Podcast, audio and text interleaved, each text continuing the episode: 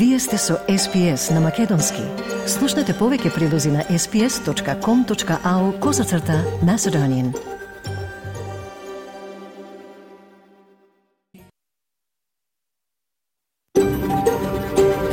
SBS, a world of difference. You're with SBS Macedonian on mobile, online, and on radio. Вие сте со SPS на Македонски на мобилен, преку интернет и на радио.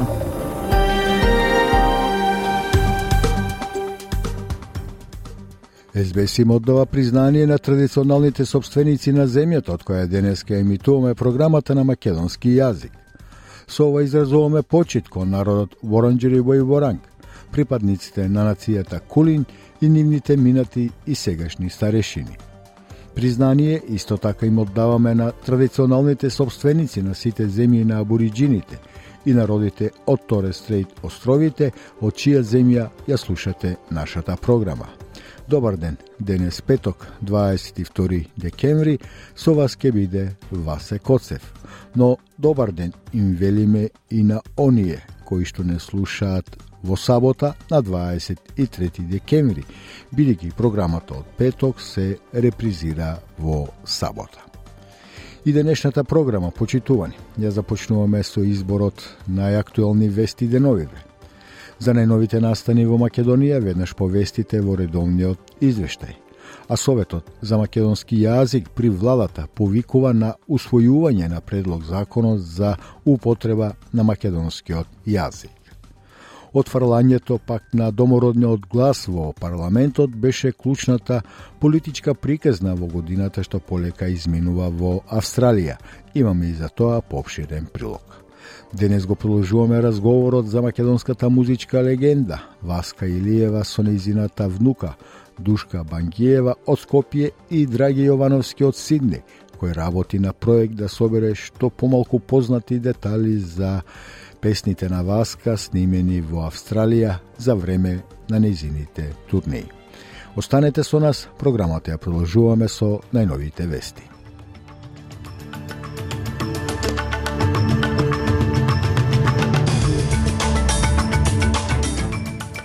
А од денешниот билтен вести издвојуваме. Полицијата соопшти дека пукањето во Прага не е поврзано со екстремизам.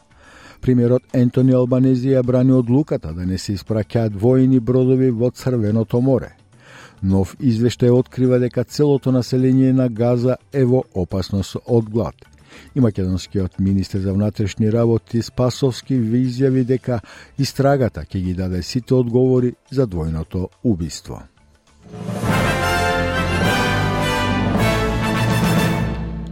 Вооружен маж уби најмалку 14 лица, а тешко рани 24 други на универзитет во Прага. Полицијата соопшти дека напаѓачот бил студент на универзитетот, а неговиот татко е пронајден мртов во близкото село. Чешката полиција соопшти дека реагирала на пукањето на Карлови универзитетот пред да пријави дека напаѓачот бил елиминиран. Министерот за внатрешни работи Вит Ракусан вели дека истражителите не се сомневаат дека има поврзаност со која било екстремистичка идеологија или група. Овој човек бил очевидец и изјави. From what uh, happened in the beginning. There was a couple of uh, uh, banks. I didn't even realize it's a it's a shooting. Then uh, suddenly there were uh, students and, and, teachers running out of uh, uh, out of the building of the of the philosophical faculty. I, I, went through the crowd, not realizing what actually is really going on, because as probably a lot of people Новиот извештај поддржан од Обединетите нации сугерира дека целото население на Газа од околу 2,3 милиони се сочува со кризни нивоа на глад и ризикот од глад се зголемува секој ден. Тој откри дека процентот на домакинства во Газа погодени од високи нивоа на акутна несигурност во исхраната е најголемиот досега, забележан на глобално ниво. Камионите што носат помош од Египет доставија храна, вода и лекови, но Обединетите нации велат дека количината на храна е само 10% од потребната. Главниот економист на Светската програма за храна, Ариф Хусейн, вели дека на луѓето во Газа им треба речиси се што имаат да понудат хуманитарните агенции. 577,000, meaning more than half a million people, are already already in catastrophic levels of hunger, meaning they're essentially starving. That is like one in every four people who's already starving. Поранешен детектив ја критикуваше полицијата на Нов Јужен Велс за незиното постапување со случаите што ги истражуваше истрагата за злосторство од омраза спрема лица од LGBTIQ заедницата. Специјалната истражна комисија го објави својот конечен извештај откако помина 18 месеци во истрага на сомнителни смртни случаи или нерасчистени убиства помеѓу 1970 и 2010 година. Комесарот за правда Џон Сакар даде 19 препораки, вклучително и барање за нови истраги за смртта на неколку мажи. Тој ја повика полицијата на Нов Јужен Велс да размисли за извинување спрема LGBTIQ заедницата. Поранешниот детектив Данкан Мекнап изјави за ABC дека јавноста заслужува подобро да биде информирана. The victims of crime most certainly deserve a better job. And the New South Wales Police Force, you know, the hard-working people that turn up every day in one of the toughest jobs around, also need to know that their senior management give a damn and are fixing problems. Австралија ќе испрати до 16 одбранбени сили на Блискиот исток во текот на следната година, но нема да испрати воени бродови. Соединените Американски држави побараа помош по нападот на бунтовниците хути врз комерцијалните бродови кои патуваат низ Црвеното море. Но господин Албанезе изјави за ABC наместо а Австралија наместо тоа сега се фокусира на регионот во Пацификот. We continue to cooperate and we contribute to the maritime operation. We have uh, personnel in Bahrain at, the headquarters and we continue to make that contribution. But we also, of course, uh, prioritise our region and the United States certainly uh, understands that. Луѓето погодени од поранешниот тропски циклон Джаспер во Северен Квизланд сега може да аплицираат за владина помош. Исплатата од катастрофи е еднократна исплата од 1000 долари по возрастно лице и 400 долари по квалификувано дете кое претрпело значителна загуба како резултат на поплавите. Подрачните области на локалниот совет ги вклучуваат Кернс, Мареба, Тейблендс и Буџал Буџал.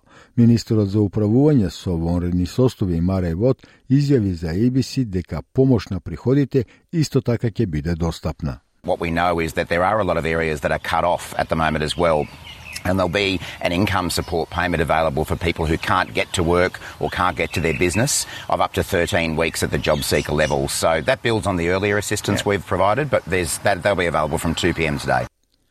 Наспроти обвинувањата од страна на македонската опозиција дека полицијата не постапила по пријавата за исчезнатиот велешанец Панче Жежовски, министерот за внатрешни работи Оливер Спасовски вчера на пресконференција рече дека сите мерки биле преземени, а деталите ќе бидат откриени со истрагата. Министерот не одговори дали се точни информациите од опозицијата дека возилото на Велешанецот се движело низ Скопската населба Маджари и било регистрирано од камерите на Safe City. Прво ги дадов сите одговори на овие а, прашања и тие одговори се сосема во спротивно со сите шпекулации кои што се шират во јавноста. Така да апелирам сите информации да ги добивате од изворите кои што се веродостојни во овој дел, а спекулациите кои што ги шират во јавност, било кој да е тоа, не одговараат со, со вистината и не помагаат, туку напротив одмагаат на, на целиот тој процес. Инако извештајот од судската медицина, кој е еден од клучните докази, се уште не е доставен до обвинителството. Федералната влада се најде на удар на опозицијата затоа што не бараше продолжување на наредбата за притвор што ќе го задржи осудениот терорист Абдул Бенбрика за дрешетки, по две децени минати во затвор. Бенбрика, кој беше осуден за заговор за минирање на МСГ во 2005 година, сега е слободен човек. Неговото ослободување дојде откако судијката Елизабет Холингворд пресуди во Викторискиот врховен суд дека тој ќе биде подложен на строги услови. Заменик лидерката на опозицијата Сузан Леј остро го критикуваше справувањето со ситуацијата од страна на владата. This is not good enough. It's not good enough that the Prime Minister cannot reassure Australians about their safety in the lead up to Christmas. We lock the terrorists up, Labor lets them out. Премиерот на Нов Зеланд, Крис Луксон, вели дека неговата земја има интерес евентуално да се приклучи на Австралија во одбрамбената алијанса ОУКУС. Господин Луксон се сретна со премиерот Ентони Албанезе во Сиднеј на неговата прва официјална посета на странство откако е презеде функцијата на 27 ноември. Договорот за ОУКУС беше дел од дискусијата меѓу двајцата лидери. Австралија ќе набави подморници на нуклеарен погон од Соединетите Американски држави и Обединетото кралство како дел од алијанзата, додека тоа е спротивно на долготрајната политика на Нов Зеланд без нуклеарни бродови. Но господин Луксон вели дека неговата земја е заинтересирана за така наречениот столб 2 од договорот, кој вклучува развој на одбрамбена технологија, како што се хиперсонични ракети и вештачка интелигенција. We will always have our nuclear free position. That's non negotiable for us in New Zealand. But we already have our navies that work together in an incredibly uh, interoperable way, and we want to see more interoperability, frankly, between our respective defence forces. So, from my point of view, we are interested in exploring uh, Pillar 2, particularly in AUKUS, and the new technologies and what that. Експертите за ментално здравје ги советуваат жителите да ги проверат своите соседи оваа празнична сезона поради очекуваниот пораст на осаменост, тага и стрес. New South Wales Health препорачува да вложите дополнителен напор со луѓе кои може би живеат сами, кои се ужалени или кои се одвоени од семејството. Главниот психијатар доктор Мари Рајт рече дека празничната сезона не е радосна прилика за сите. Тој вели дека малите пријателски гестови можат многу да им помогнат на оние кои се соочуваат со осаменост или проблеми со менталното здравје. Acknowledging our neighbors, wishing them a, a happy Christmas and asking them what the year's been like and what their plans are can open the conversation towards a more meaningful um, discussion of what some of their challenges might be. But even if it doesn't, just sharing a sense of goodwill with somebody is one of the most important gifts that you can give. Showing a genuine interest, caring about what is happening in someone's life, listening to what they say, and just sharing some time makes a huge difference. Активистката Грета Тумбер го нарече климатскиот договор КОП-28 како нож в грб за земите кои се најпогодени од климатската криза.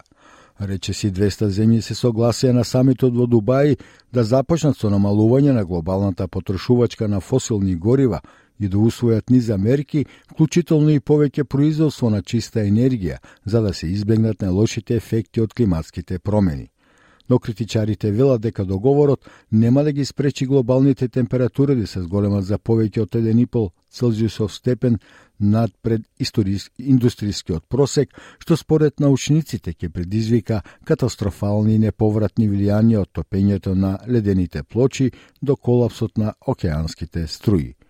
Алијансата на малите островски држави, која ги вклучува Фиджи, Тувалу и Кирибати, вели дека договорот не е доволен.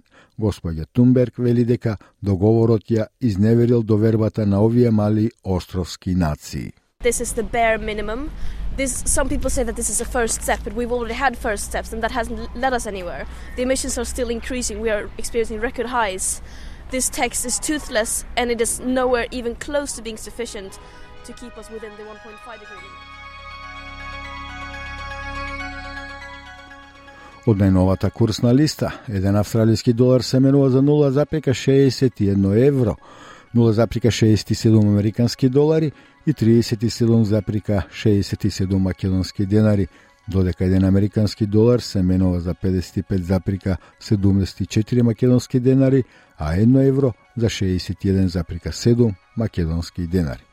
И временската прогноза за сабота, 23 декември, Перт сончево со температура до 34 степени, Аделајд променливо облачно до 27, Мелбурн сончево до 25 степени, Хобар делумно облачно до 20, Камбера услови за развој на врнежи од дожд до 25 степени, Сиднеј делумно облачно исто така 25 степени, Призбен кратки повремени врнежи, но со температура до 29 степени, Дарвин можна бура до 35 и во Алес Спрингс делумно облачно, но сепак топло со температура до 42 степени.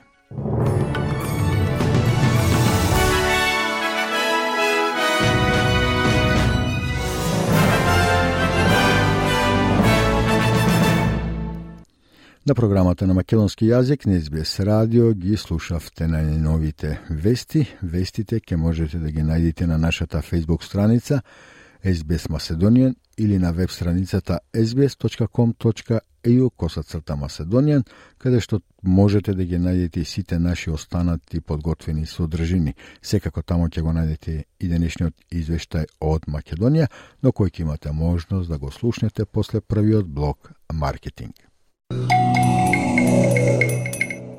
Слушате Избес радио, програма на македонски јазик. Денес со вас е Васе Коцев. Следува извештајот од Македонија, денес подготвен од нашиот соработник Бране Стефановски.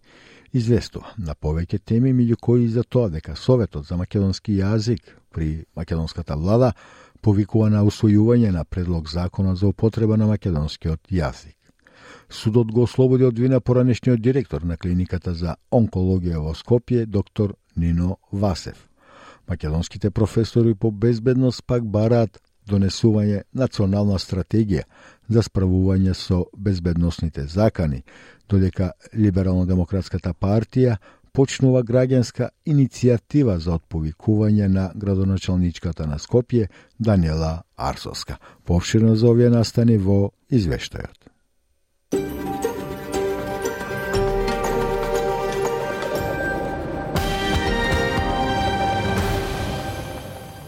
Советот за македонски јазик при владата го повикува председателот на Собраниската комисија за култура Кастриот Реджепи веднаш да ја свика комисијата за култура на собранието и да се усвои предлог законот за употреба на македонскиот јазик.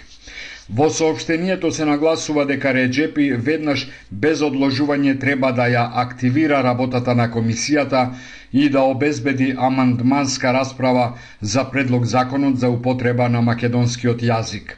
Секое одложување на овој процес е во директна спротивност со меѓусебното и меѓукултурното почитување на различните заедници во нашето општество. Сакаме да нагласиме дека постапката за носењето на новиот закон е поддржана од сите пратенички групи кои изразија подготвеност и аманмански да учествуваат во неговата финализација, се наведува во сообштението на Советот за македонски јазик при владата. Судот го ослободи од вина поранешниот директор на клиниката за онкологија во Скопје, доктор Нино Васев. Според судот нема докази дека тој работел несовесно, како што тврдеше обвинителството. Васев одговараше за недавање терапија на пациент болен од рак кој починал. Вчера од вина беа ослободени и докторите Игор Стојков и Марија Симоновска. Со ослободителната пресуда за тројцата лекари не се согласува обвинителството и најави жалба. Сите докази укажувале дека обвинетите не ја овозможиле потребната здравствена заштита, вели за медиумите јавната обвинителка Лидија Раичевиќ. Тоа што го сториле обвинетите и тоа што треба да излече полка целиот докторски персонал кој што работи со пациенти на онкологија е дека на овие пациенти им е потребна заштита согласно два закона. Закон за здравствена заштита и закон за заштита на права на пациенти. Тоа не го добил овој пациент кој што е починат по многу тешки услови и околности и заради тоа сметавме дека е сторено клинично дело. Поречи си 4 месеци вчера обвинителството потврди дека во теке пред истрагата и дека не може да открие дали се точни сомнежите дека терапијата во клиниката за онкологија била заменета со физиолошки раствор, а вистинските лекови се изнесувале од клиниката и се продавале на црно. Наспроти обвинувањата од страна на опозицијата дека полицијата не постапила по пријавата за исчезнатиот велешанец Панче Жежовски, министерот за внатрешни работи Оливер Спасовски вчера на пресконференција рече дека сите мерки биле преземени и деталите ќе бидат откриени со истрагата. Министерот не одговори дали се точни информациите од опозицијата дека возилото на Велешанецот се движело низ скопската населба Маджари и било регистрирано од камерите на Safe City. Прво ги дадов сите одговори на овие а, прашања и тие одговори се сосема во спротивно со сите шпекулации кои што се шират во јавност. Така да апелирам сите информации да ги добивате од изворите кои што се веродостојни во овој дел, а спекулациите кои што ги шират во јавност, било кој да е тоа, не одговараат со, со вистината и не помагаат, туку напротив одмагаат на, на целиот тој процес. Извештајот од судската медицина, кој е еден од клучните докази, се уште не е доставен до обвинителството. По две недели од истрагата за двојното убиство на 14 годишната Вања Ѓорчевска и на велешанецот Панче Жежовски остануваат шестмина осомничени. Прво осомничениот за две кривични дела, грабнување и убиство на свиреп начин Лјупчо Палевски Палчо е во притвор во Турција и се чека на неговата екстрадиција. Македонските професори по безбедност предупредуваат дека македонското општество не ја научило лекцијата од ниту една девијантна појава, особено по убиството на малата Вања. Тие алармираат државата, безбедносните служби и професорите да подготват квалитетна национална стратегија за борба со безбедносните проблеми, особено што се однесуваат на децата и на младите и дека отпорноста на државата на безбедносните закани во моментов е слаба. Професорот Маријан Ѓуровски за новинарите изјави. Нас, НАТО ќе ни помогне во делот на безбедноста, но домашните задачи, не политиката, туку науката може да ни помогне. Од последниот случај треба социолози, психолози, луѓе од науката да видиме зошто ни се случи, каде е грешката во правниот систем, не меѓу себе да си покажуваме прст, да се изненадиме една недела и да продолжиме како ништо да не се случило. Ставањето на хартија на сите чекори за да се обезбеди висок степен на безбедност на граѓаните не е доволно, вели професорот Оливер Бакрески од Институтот за безбедност. Не дека нема нашата држава стратегиски документи кои се поврзуваат со безбедност и одбраната. Генерално, општиот впечаток е, или главната перцепција е дека треба за фундаменталните прашања кога станува збор за државата, генерално треба да се обедини целокупната заедница Стручната јавност веќе имала обиди за креирање конкретни платформи по лажните дојави за бомби и убиствата во соседствата, но посредбите со Министерствата за образование и за одбрана никој не одговорил на нивните предлози. Контролорите на летање нема да штрајкуваат ниту в понеделник, ниту за нова година. Ова одлука е донесена на седница на Синдикатот на контролорите. Тие имаа намера да штрајкуваат поради приемот на несоодветен и на партиски кадар во оваа важна служба. Едмонд Каличи рече. Можда не последна причина е заради тоа што ние имаме полно луѓе кои што живеат во странство и туристи кои што свака да ја посетат Република Македонија и заради тоа го прекинуваме, односно го одложуваме штрајкот. Ова е втор пат контролорите на летање да го откажат штрајкот. Тие и во октомври се заканија дека ќе го затворат македонското небо, но посредбата со министерот за транспорт попуштија. Скопје стана град за подсмев во регионов поради својата лоша и недоволна украсеност во предновогодишните денови. Финансиската полиција ќе истражува дали скопската градоначалничка Данела Арсовска го украсила Скопје за 30.000 евра без да распише тендер. Ова доаѓа откако Арсовска јавност се пофали дека градот годинава потрошил 30.000 евра наместо предходните години кога биле трошени и по 200.000 евра, но и покрај тоа, таа не одговара ниту кога бил објавен тендерот, ниту со која фирма и кога е склучен договорот, а нема објава ниту на веб страницата за јавни набавки. Во меѓувреме, Либерално-демократската партија покрена иницијатива за собирање подписи со цел преку референдум да се смени градоначалничката Арцовска. Филип Јакимовски, координатор на градската организација на ЛДП за медиумите изјави. Идејата потикнува и доаѓа од моменталната неспособност најпрво на граначалничката на град Скопје Данела Арсовска, која што апсолутно ништо не презема за нашиот главен град и не остави во сивило и темнина. Ние како партија на Централниот одбор кој што треба да се одржи на 25 јануари 2023 година во понеделник, ќе донесем одлука со која што ќе се утврди начинот на кој што ќе се соберат подписите за да може да се организира референдум за промена на градоначалникот на град Скопје. Пак во подкастот Тешки муабети на граѓаните им вети дека следната година китењето ќе почне уште во септември.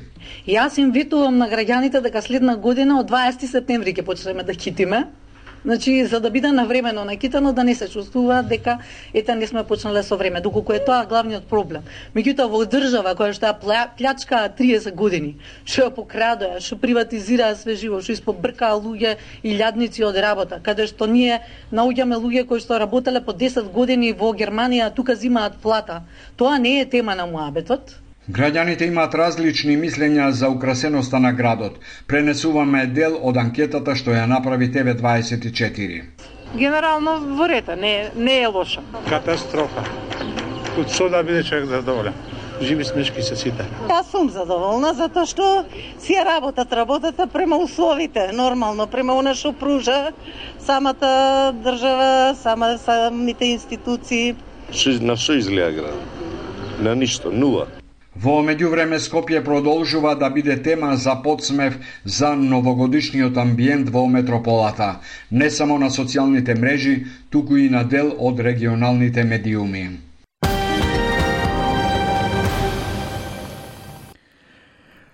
Тоа беше нашиот соработник од Македонија, Бране Стефановски, со најновиот извештен за најновите настани во Македонија, кој ќе биде достапен подосна во текот на денот на нашата веб страница sbs.com.eu косацрта Macedonian и на Facebook страницата SBS Macedonian.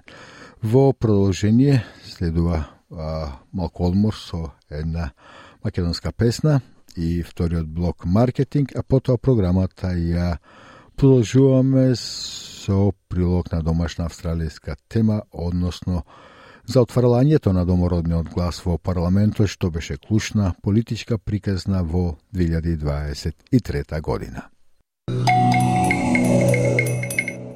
Слушате Извес радио, програма на македонски јазик, денес со вас е Васе Коцев. Отфрлањето на домородниот глас во парламентот беше клучната политичка приказна во 2023 година во Австралија. Гласачите со огромно мнозинство се спротиставија на референдумот, кој повика на создавање на домородно советодавно тело, како што пренесува Грег Дајат во прилогот подготвен за SBS News, а на македонски ќе го слушнете од колешката Маргарита Василева. Без двопартиска поддршка, патот на домородниот глас до парламентот водеше кон пропаст. Австралиските гласачи се опфатно го отфрлија предлогот за промена на уставот со тоа што сите држави и северната територија гласа не, додека само капиталната територија или главната територија ACT гласаше да. Премиерот Антони Албанезе ги повика австралиците да се зближат по неуспехот на референдумот, велики дека резултатот не не дефинира Тој изјави дека ја почитува одлуката на австралискиот народ и демократскиот процес што ја донесе. Кога ќе размислиме за се што се случува во светот денес, изјави премиерот, сите можеме да бидеме благодарни што во Австралија ги донесуваме големите одлуки мирно и како еднакви. I absolutely respect the decision of the Australian people and the democratic process that has delivered it. When we reflect on everything happening in the world today, we can all give thanks that here in Australia we make the big decisions peacefully and as equals. Министерката за домородните австралици Линда Берни директно разговараше со абориджините и жителите на островите на Torres Strait. Таа вели знае дека последните неколку месеци биле тешки, но порача да бидат горди на тоа што се, да бидат горди на својот идентитет и на 65.000 години историја и култура од кои тие се составен дел. I know the last few months have been tough. But be proud of who you are. Be proud of your identity. Be proud of the 65,000 years of history and culture that you are part of. Опозицијскиот лидер Петер Датен го обвини премиерот за исходот, велики дека Антони Албанезе не слушал што сакаат луѓето. Доколку беше побарано од народот да гласат за признавање на домородните народи во Уставот, околу 80 од австралиците би го поддржале тоа, изјави Датен. If he was going to have a referendum, do it on recognition because 70, 80, 90% of Australians would support recognition being enshrined in the Constitution. But he didn't do that. А независната сенаторка Лидија Thope го поздрави неуспехот на референдумот глас. Таа вели, цитат, ни треба договор во оваа земја. Ние сме една од неколкуте земји на Комонвелтот во светот што нема договор со своите први народи. Затворен цитат. We need a treaty in this country. We are one of only a couple of Commonwealth countries in the world that does not have a treaty with its first people. Покрај референдумот, притисоците за трошоците за живот доминираа во циклусот на вести со висока инфлација и серија покачување на каматните стапки. Во септември, благајникот Джим Чамас испорача рекорден буџетски суфицит од над 22 милиарди долари, прв во последните 15 години. Конечната бројка беше ревидирана во декември од мајскиот буџет, благодарение на порастот на даночните приходи и повисоките цени на суровините. Цитат, ова е доказ за нашето одговорно економско управување кое го става буџетот во многу подобра состојба во исто време кога издвојуваме милиарди долари за олеснување на трошоците за живот, изјави благаникот Джим Чамез. This is evidence uh, of our uh, responsible economic management, which is getting the budget in much better nick at the same time as we roll out billions of dollars in cost of living relief. Портпаролот на Министерството за финанси на коалицијата Ангас Тейлор не беше импресиониран, велики дека економијата е во распад и ја нарече владата на Албанезе администрација со високи даноци и високи трошоци.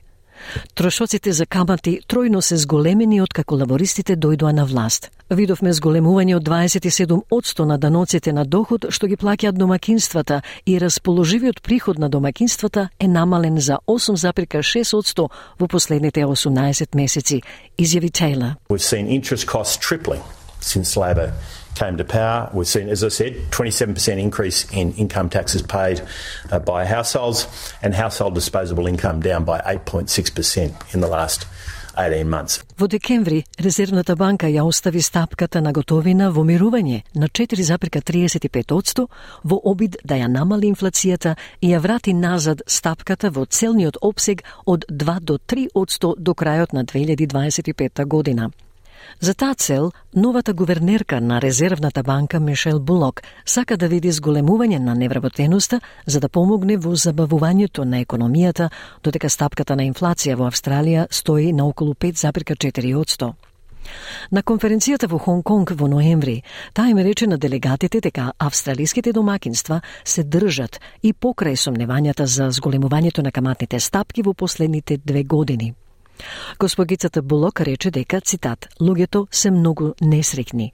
Каналот за Котовински тек работи многу брзо во Австралија и е многу истакнат. Но и покрај бучавата, домакинствата и бизнисите во Австралија се всушност во прилично добра позиција. Нивните биланси се прилично добри, потенцираше Булок. Новиот гувернер ќе биде на чело бидејќи Резервната банка на Австралија воведува голем број клучни промени од февруари. Тие го следат предлогот на организацијата која даде 51 препорака, вклучително и решавање на конфликтот на интереси и создавање поотворена култура. Една клучна промена ќе биде намалувањето на бројот на состаноци што ги одржува годишно за одредување на каматните стапки од 11 на 8. И одборот наместо гувернерот ќе ја објави и одборот наместо гувернерот ќе ја објави изјавата по состанокот како дел од новата комуникацијска стратегија. Друг важен развој на федералната политика оваа година беше одлуката на Високиот суд, според која неопределениот притвор за имиграција е незаконски. Среде жешката политичка дебата, во декември федералната влада одлучи да формира нов одбор кој ќе се занимава со управувањето со повеќе од 150 луѓе кои беа ослободени од неопределен притвор по пресудата. Кога се дозна дека некои од уапсените имаат криминални досиеја, владата усвои закони кои им ставаат строги ограничувања, вклучувајќи полициски час и нараквици за глуждот. Министерката за внатрешни работи Клера Нил вели дека одборот ќе ја советува владата за тоа кои ограничувања треба да се стават на притвореници, вклучително и нивно враќање во притвор. И во 2023 година, еден од највисоките јавни службеници во Австралија беше отпуштен поради кршење на кодексот на однесување на јавните служби во најмалку 14 наврати. Секретарот за внатрешни работи Майк Пезуло беше сменет по откритијата дека несоодветно се обидел да влијае на политиката под поранешната коалициска влада. Од прилогот на Грег Дайер за SBS News. SBS. SBS. SBS. SBS. SBS. SBS Radio. Ето го слушнавте прилогот подготвен од колешката Маргарита Василева за а, најважните политички настани во годината што полека изминува во Австралија. И пред да го слушнете третиот и последен блок маркетинг за денешнава програма, само да ве подсетам почитувани дека за интервјуа, прилози и видеоклипови на разни теми можете да ја посетите нашата Facebook страница SBS Macedonian или веб страницата sbs.com.eu коса црта Маседонија. Инаку, SBS на македонски преку радио се имитува секој ден од понеделник до петок со една репризна програма во сабота, а секако можете да слушате и онлайн и на мобиле. Следува блок маркетинг, а потоа интересен разговор за македонската музичка а, легенда, незаменливата и незаборавната Васка Илиева. Слушате СБС радио, програма на македонски јазик. Денес ова се Васе Коцев. Во следниве минути го продолжуваме разговорот за една од најголемите музички легенди, име кој што низ годините стана синоним за македонската изворна песна. Вчера на 21 декември 2023 се навршија 100 години од раѓањето на Васка Илиева. Таа замина на 78 годишна возраст, но продолжува да живее преку огромниот број песни со бесмртни рефрени за македонскиот народ, што ги остави зад себе. Голем број од нив, иако се неизино авторско дело, влегува во богатата ризница на македонскиот фолклор како да се создадени од народот. Колешката Радица Бојковска Димитровска го продолжува разговорот со внуката на Васка, со која што Легендата беше најблиска до последните денови од животот. Душка Бангиева од Скопје и со Драге Јовановски од Сидни, поклоник на делото на Васка Илиева, кој се зафати со проект да ги собере помалку познатите детали за песните кои Васка ги сними овде во Австралија за време на незините турнеи. Особено песната за Steelworks, за што беше инспирирана од тешките услови под кои таму работија илјадници македонци.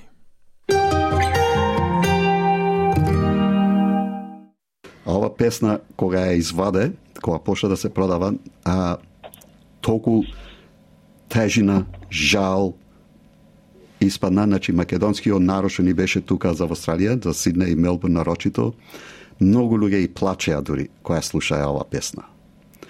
И плюс некога се разбра за ова песна низ фирмата во Steelwork, е, излезе збор за ова песна да се забрани и за да не се продава повеќе.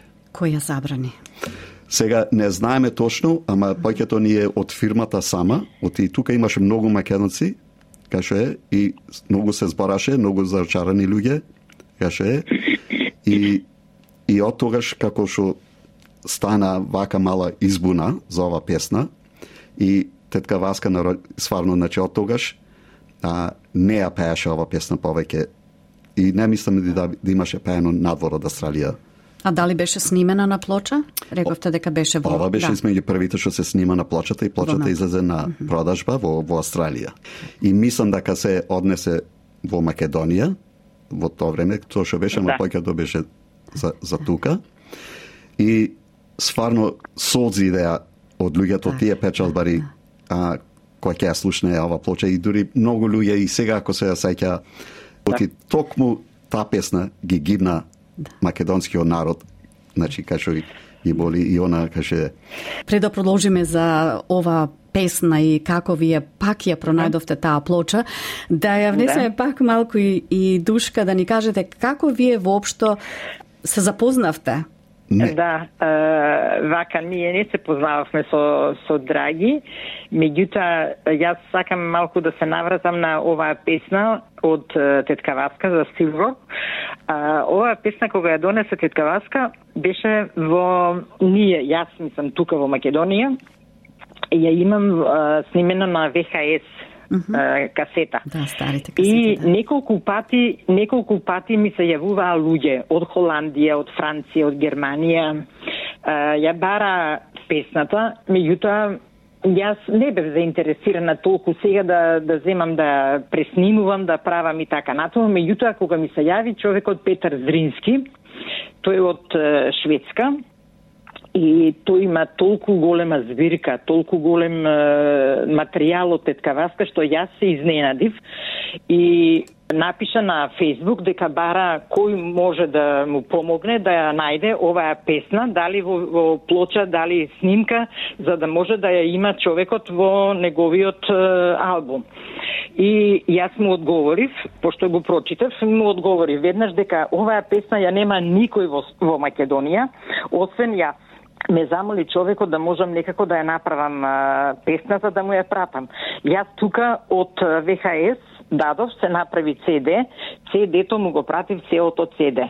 Човекот ја даде на YouTube, ја има и на YouTube оваа песна, меѓутоа јас не имам плоча, него само ја имам на ВХС целата таа касета.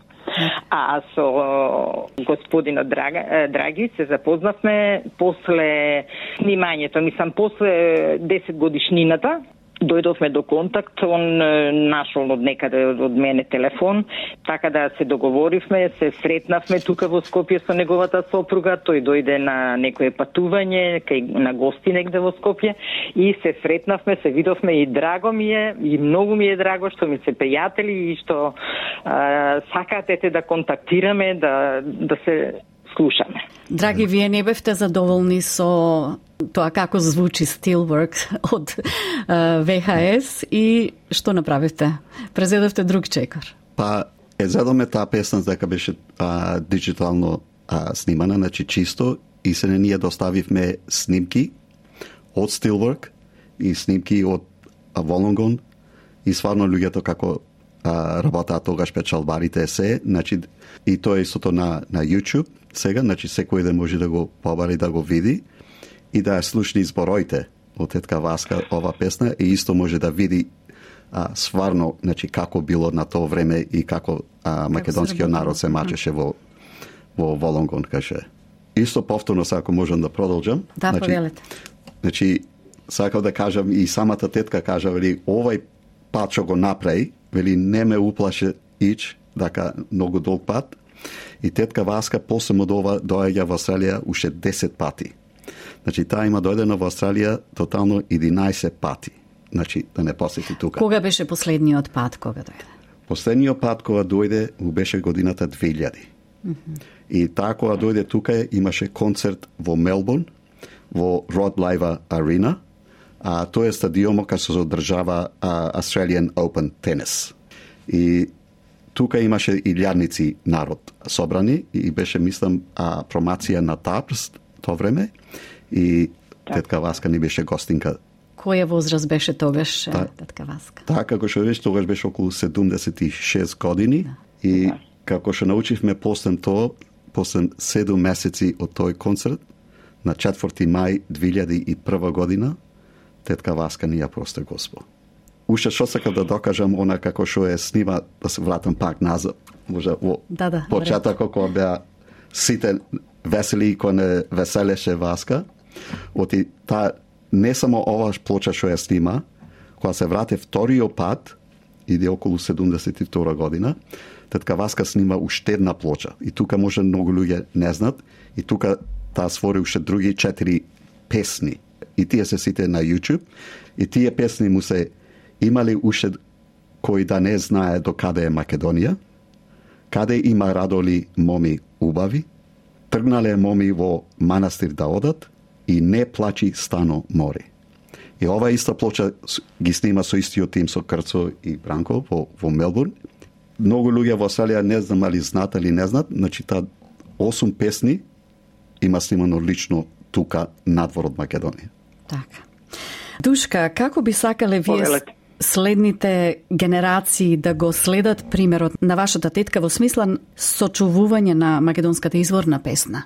Јас би сакала и нашите наредни генерации да ја следат неа по незината ведрина. По она што она со народот знаеше да разговара, да им објасни, да им каже. Јас за, за, за вас живеам. Јас до последен момент, додека не умрам, јас ќе пеам. И така и беше. Она имаше закажано на 4 мај имаше закажано да пее за Коста Делчев тука во Скопје и последната вечер доаѓаат од Бугарија гости од Кремен. Значи, јас не знаев, затоа што секој ден јас одев кај неа, ама та, тој ден не отидов, затоа што до 5 саатот ние бевме заедно. И викам, дали да се вратам тетка Васка? Вика, не, вика, нема потреба, вика, јас ќе се снајдам. И тие луѓе дошле вечета, Јас не знаев. Има снимка на YouTube, последните часови од Васка Илиева, и вечерта она значи со нив разговарала, гледам дека има и смење и шали и се. Така да до последно, до последно она беше спремна да пее. Младиве, сакам да пеат, сакам да ги емитираат нејзините песни, нека ги е, пеат, но да има еден глас кој што ќе може да продолжи и понатака да пее. Овде во Скопје има неколку неколку сега моментално кои што сакаат да ги пеат нејзините песни и ги пеат. И мене тоа ме радува. Не ги, не ги забранувам, туку им давам право да си ги пеат. Она што остави, нема таков пејач. Верувајте дека писмата кои што доаѓа на времето 60-тите, 70-тите години, доаѓа само со Васка Илиева Македонија. Она беше популарна, неа ја знаева и ќе ги донесат писмата.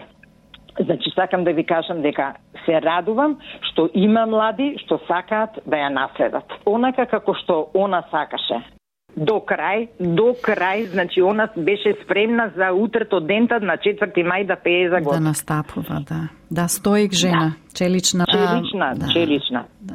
Полна енергија, полна енергија, до последно.